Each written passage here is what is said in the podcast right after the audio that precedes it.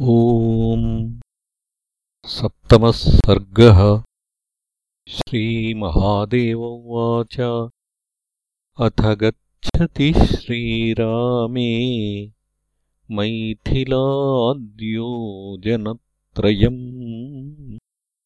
निमित्तान्यतिघोराणि ददर्श नृपसत्तमः नत्वावसिष्ठम् पप्रच्छ किमिदम् मुनिपुङ्गवा। निमित्तानीह दृश्यन्ते विषयाणि समन्ततः। वसिष्ठस्तमथ प्राह भयमागामि सूच्यते पुनरप्यभयम् तेद्य शीघ्रमेव भविष्यति। मृगाः प्रदक्षिणम् यान्ति। पश्य त्वाम् शुभसूचकाः। इत्येवम् वदतस्तस्य ववौ घोरतरोनिलः मुष्णंश्चक्षूंषि सर्वेषाम् पांसुवृष्टिभिरर्दयन् ततो व्रजन् ददर्शाग्रे तेजोराशिमुपस्थितम् कोटिसूर्यप्रतीकाशम् विद्युत्पुञ्जसमप्रभम् तेजोराशिम् ददर्शाथ जामदग्न्यम् प्रतापवान् नीलमेघनिभम् प्रांशुम् जटामण्डलमण्डितम् धनुः परशुपाणिम् च साक्षात्कालमिवान्तकम् कार्तवीर्यान्तकम् रामम् दृप्तक्षत्रियमर्दनम् प्राप्तम् दशरथस्याग्रे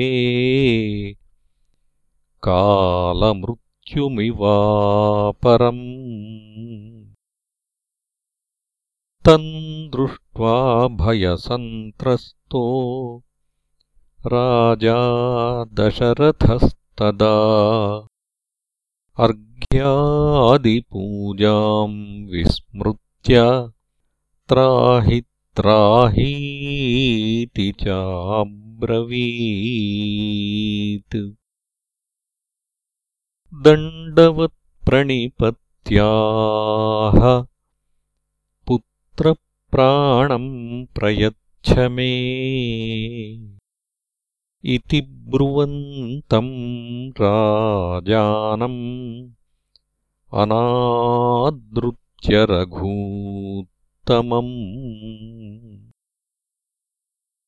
उवाच निष्ठुरम् वाक्यम् क्रोधात् प्रचलितेन्द्रियः। त्वम् राम इति नाम्ना मे चरसि क्षत्रियाधमा द्वन्द्वयुद्धम् प्रयच्छाशु यदि त्वम् क्षत्रियोऽसि वै पुराणम् जर्जरम् चापम् भङ्क्त्वा त्वम् कथसे मुधा अस्मिंस्तु वैष्णवे चाप आरोपयसि चेद्गुणम्। तदा युद्धम् त्वया सार्धम्। करोमि रघुवंशजा। नो चेत् सर्वान् हनिष्यामि क्षत्रियान्तकरो ह्यहम् इति ब्रुवति वै तस्मिंश्चचाल वसुधाभृशम्। अन्धकारो बभूवाथ सर्वेषामपि चक्षुषाम्। रामो दाशरथिर्वीरो वीक्ष्यतम् भार्गवम् रुषा। धनुराच्छिद्य तद्धस्तादारोप्यगुणमञ्जसा। तूणीराद्बाणमादाय सन्धायाकृष्य वीर्यवान्। उवाच भार्गवम् रामम् शृणु ब्रह्मन् वचो मम। लक्ष्यम् दर्शय बाणस्य ह्यमोघो। मम सायकः लोकान् पादयुगम् वापि वद शीघ्रम् ममाज्ञया। अयम् लोकः परो वाथ त्वया गन्तुम् न शक्यते। एवम् त्वम् हि प्रकर्तव्यम् वद शीघ्रम् ममाज्ञया। एवम् वदति श्रीरामे भार्गवो विकृताननः। संस्मरन् पूर्ववृत्तान्तमिदम् वचनमब्रवीत् राम राम महाबाहो। जाने त्वाम् परमेश्वरम्। पुराणपुरुषम् विष्णुम् जगत्सर्गलयोद्भवम्। बाल्येऽहम् तपसा विष्णुमाराधयितुमञ्जसा चक्रतीर्थम् शुभम् गत्वा तपसा विष्णुमन्वहम्। अतोषयम् महात्मानम् नारायणमनन्यधी ततः प्रसन्नो देवेशः शङ्खचक्रगदाधरः। उवाच माम् रघुश्रेष्ठ। प्रसन्नमुखपङ्कजः। श्रीभगवानुवाच।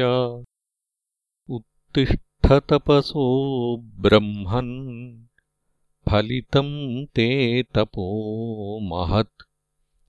मच्चिदंशेन युक्तस्त्वम् जहि हैहयपुङ्गवम्। कार्तवीर्यम् पितृहणम् यदर्थम् तपसः श्रमः ततस्त्रिः सप्तकृत्वस्त्वम् हत्वाक्षत्रियमण्डलम् कृत्स्नाम् भूमिम् कश्यपाय दत्त्वा शान्तिमुपावह। त्रेतामुखे दाशरथिर्भूत्वा रामोऽहमव्ययः उत्पत्स्ये परया शक्त्या तदा द्रक्ष्यसि माम् ततः मत्तेजः पुनरादास्ये। त्वयि दत्तम् मया पुरा तदा तपश्चरन् लोके तिष्ठत्वम् ब्रह्मणो दिनम्। इत्युक्त्वान्तर्दधे देवः तथा सर्वम् कृतम् मया। स एव विष्णुस्त्वम् रामजातोऽसि ब्रह्मणार्थितः। मयि स्थितम् तु त्वत्तेजस्त्वयैव पुनराहृतम्। अद्य मे सफलम् जन्म प्रतीतोऽसि मम प्रभो ब्रह्मादिभिरलभ्यस्त्वम्। प्रकृतेः पारगो मतः। त्वयि जन्मादिषड्भावा। न सन्त्यज्ञानसम्भवाः। निर्विकारोऽसि पूर्णस्त्वम् गमनादिविवर्जितः। यथा जले फेन जालम् धूमो वह्नौ तथा त्वयि त्वदाधारा त्वद्विषया। मायाकार्यम् सृजत्यहो यावन्मायावृता लोकाः तावत्त्वाम् न विजानते। अविचारितसिद्ध ैषा विद्या विद्याविरोधिनी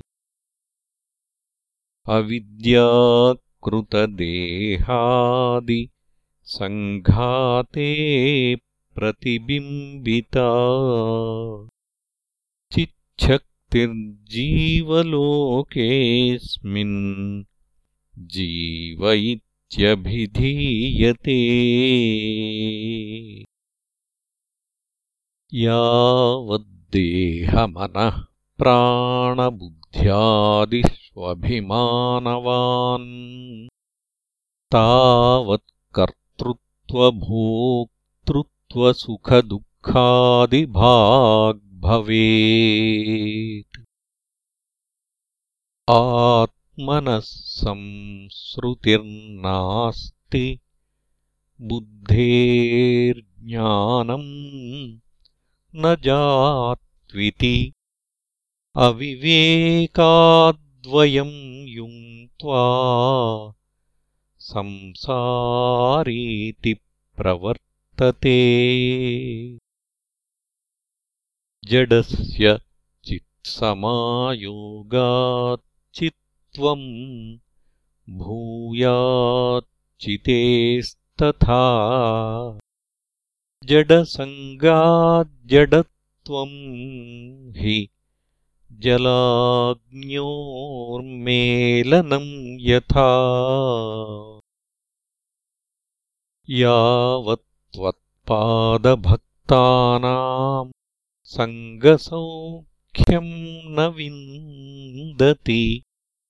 तावत्संसारदुःखौघात् न निवर्तेन्नरः सदा। तत्सङ्गलब्धया भक्त्या यदा त्वाम् समुपासते तदा माया शनैर्याति तानवम् प्रतिपद्यते। ततस्त्वज्ञानसम्पन्नः सद्गुरुस्तेन लभ्यते वाक्यज्ञानम् गुरोर्लब्ध्वा त्वत्प्रसादाद्विमुच्यते। तस्मात्त्वद्भक्तिहीनानाम् कल्पकोटिशतैरपि न मुक्तिशङ्काविज्ञानशङ्का नैव सुखम् तथा।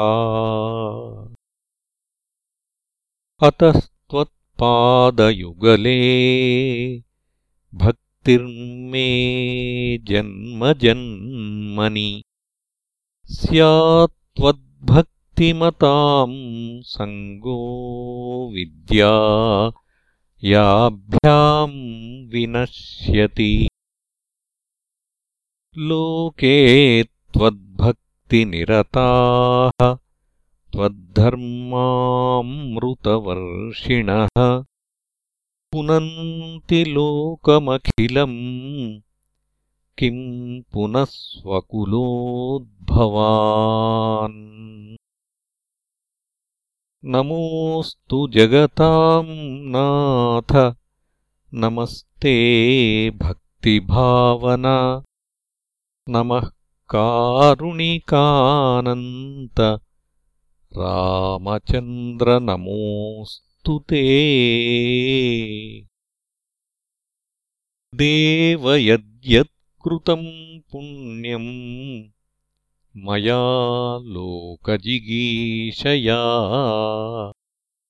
तत्सर्वम् तव बाणाय भूयाद्राम नमोऽस्तु ते। ततः प्रसन्नो भगवान् श्रीरामः करुणामयः प्रसन्नोऽस्मि तव ब्रह्मन् यत्ते मनसि वर्तते। दास्येतदखिलम् कामम् मा कुरुष्वात्र संशयम्। ततः प्रीतेन मनसा भार्गवो राममब्रवीत्। यदि मेऽनुग्रहो राम तवास्ति मधुसूदन। त्वद्भक्तसङ्गस्त्वत्पादे दृढा भक्तिः सदास्तु मे स्तोत्रमेतत्पठेद्यस्तु भक्तिहीनोऽपि सर्वदा त्वद्भक्तिस्तस्य विज्ञानम् भूयादन्ते स्मृतिस्तव तथेति राघवेणोक्तः परिक्रम्य प्रणम्यतम् पूजितस्तदनुज्ञातो। महेन्द्राचलमन्वगात्। राजा दशरथो हृष्टो। राममृतमिवागतम् आलिङ्ग्यालिङ्ग्यहर्षेण नेत्राभ्याम् जलमुत्सृजत्। ततः प्रीतेन मनसा स्वस्थचित्तः पुरम् ययौ। रामलक्ष्मणशत्रुघ्न भरता देवसंमिताः स्वाम् स्वाम् भार्यामुपादाय। रेमिरे स्वस्वमन्दिरे। मातापितृभ्याम् संहृष्टो। रामः सीतासमन्वितः रेमे वैकुण्ठभवने श्रिया सह। यथा हरिः कैकेयी भ्राता भरतमातुलः। भरतम् नेतुमागच्छतु। स्वराज्यम् प्रीतिसंयुतः प्रेषयामास भरतम्। राजा स्नेहसमन्वितः। शत्रुघ्नम् चापि सम्पूज्य। युधाजितमरिन्दमः। कौसल्याशुशुभे देवी रामेण सह सीतया। देवमातेव पौलोम्या। शच्या शक्रेण शोभना। साकेते लोकनाथप्रथितगुणगणो लोकसङ्गीतकीर्तिः श्रीरामः सीतयास्तेऽखिलजननिकरानन्द सन्दोहमूर्तिः नित्यश्रीर्निर्विकारो निरवधिविभवो नित्यमायानिरासो मायाकार्यानुसारी मनुज इव सदा भाति देवोऽखिलेशः। इति श्रीमदध्यात्मरामायणे उमामहेश्वरसंवादे बालकाण्डे सप्तमः सर्गः समाप्तमिदम् बालकाण्डम्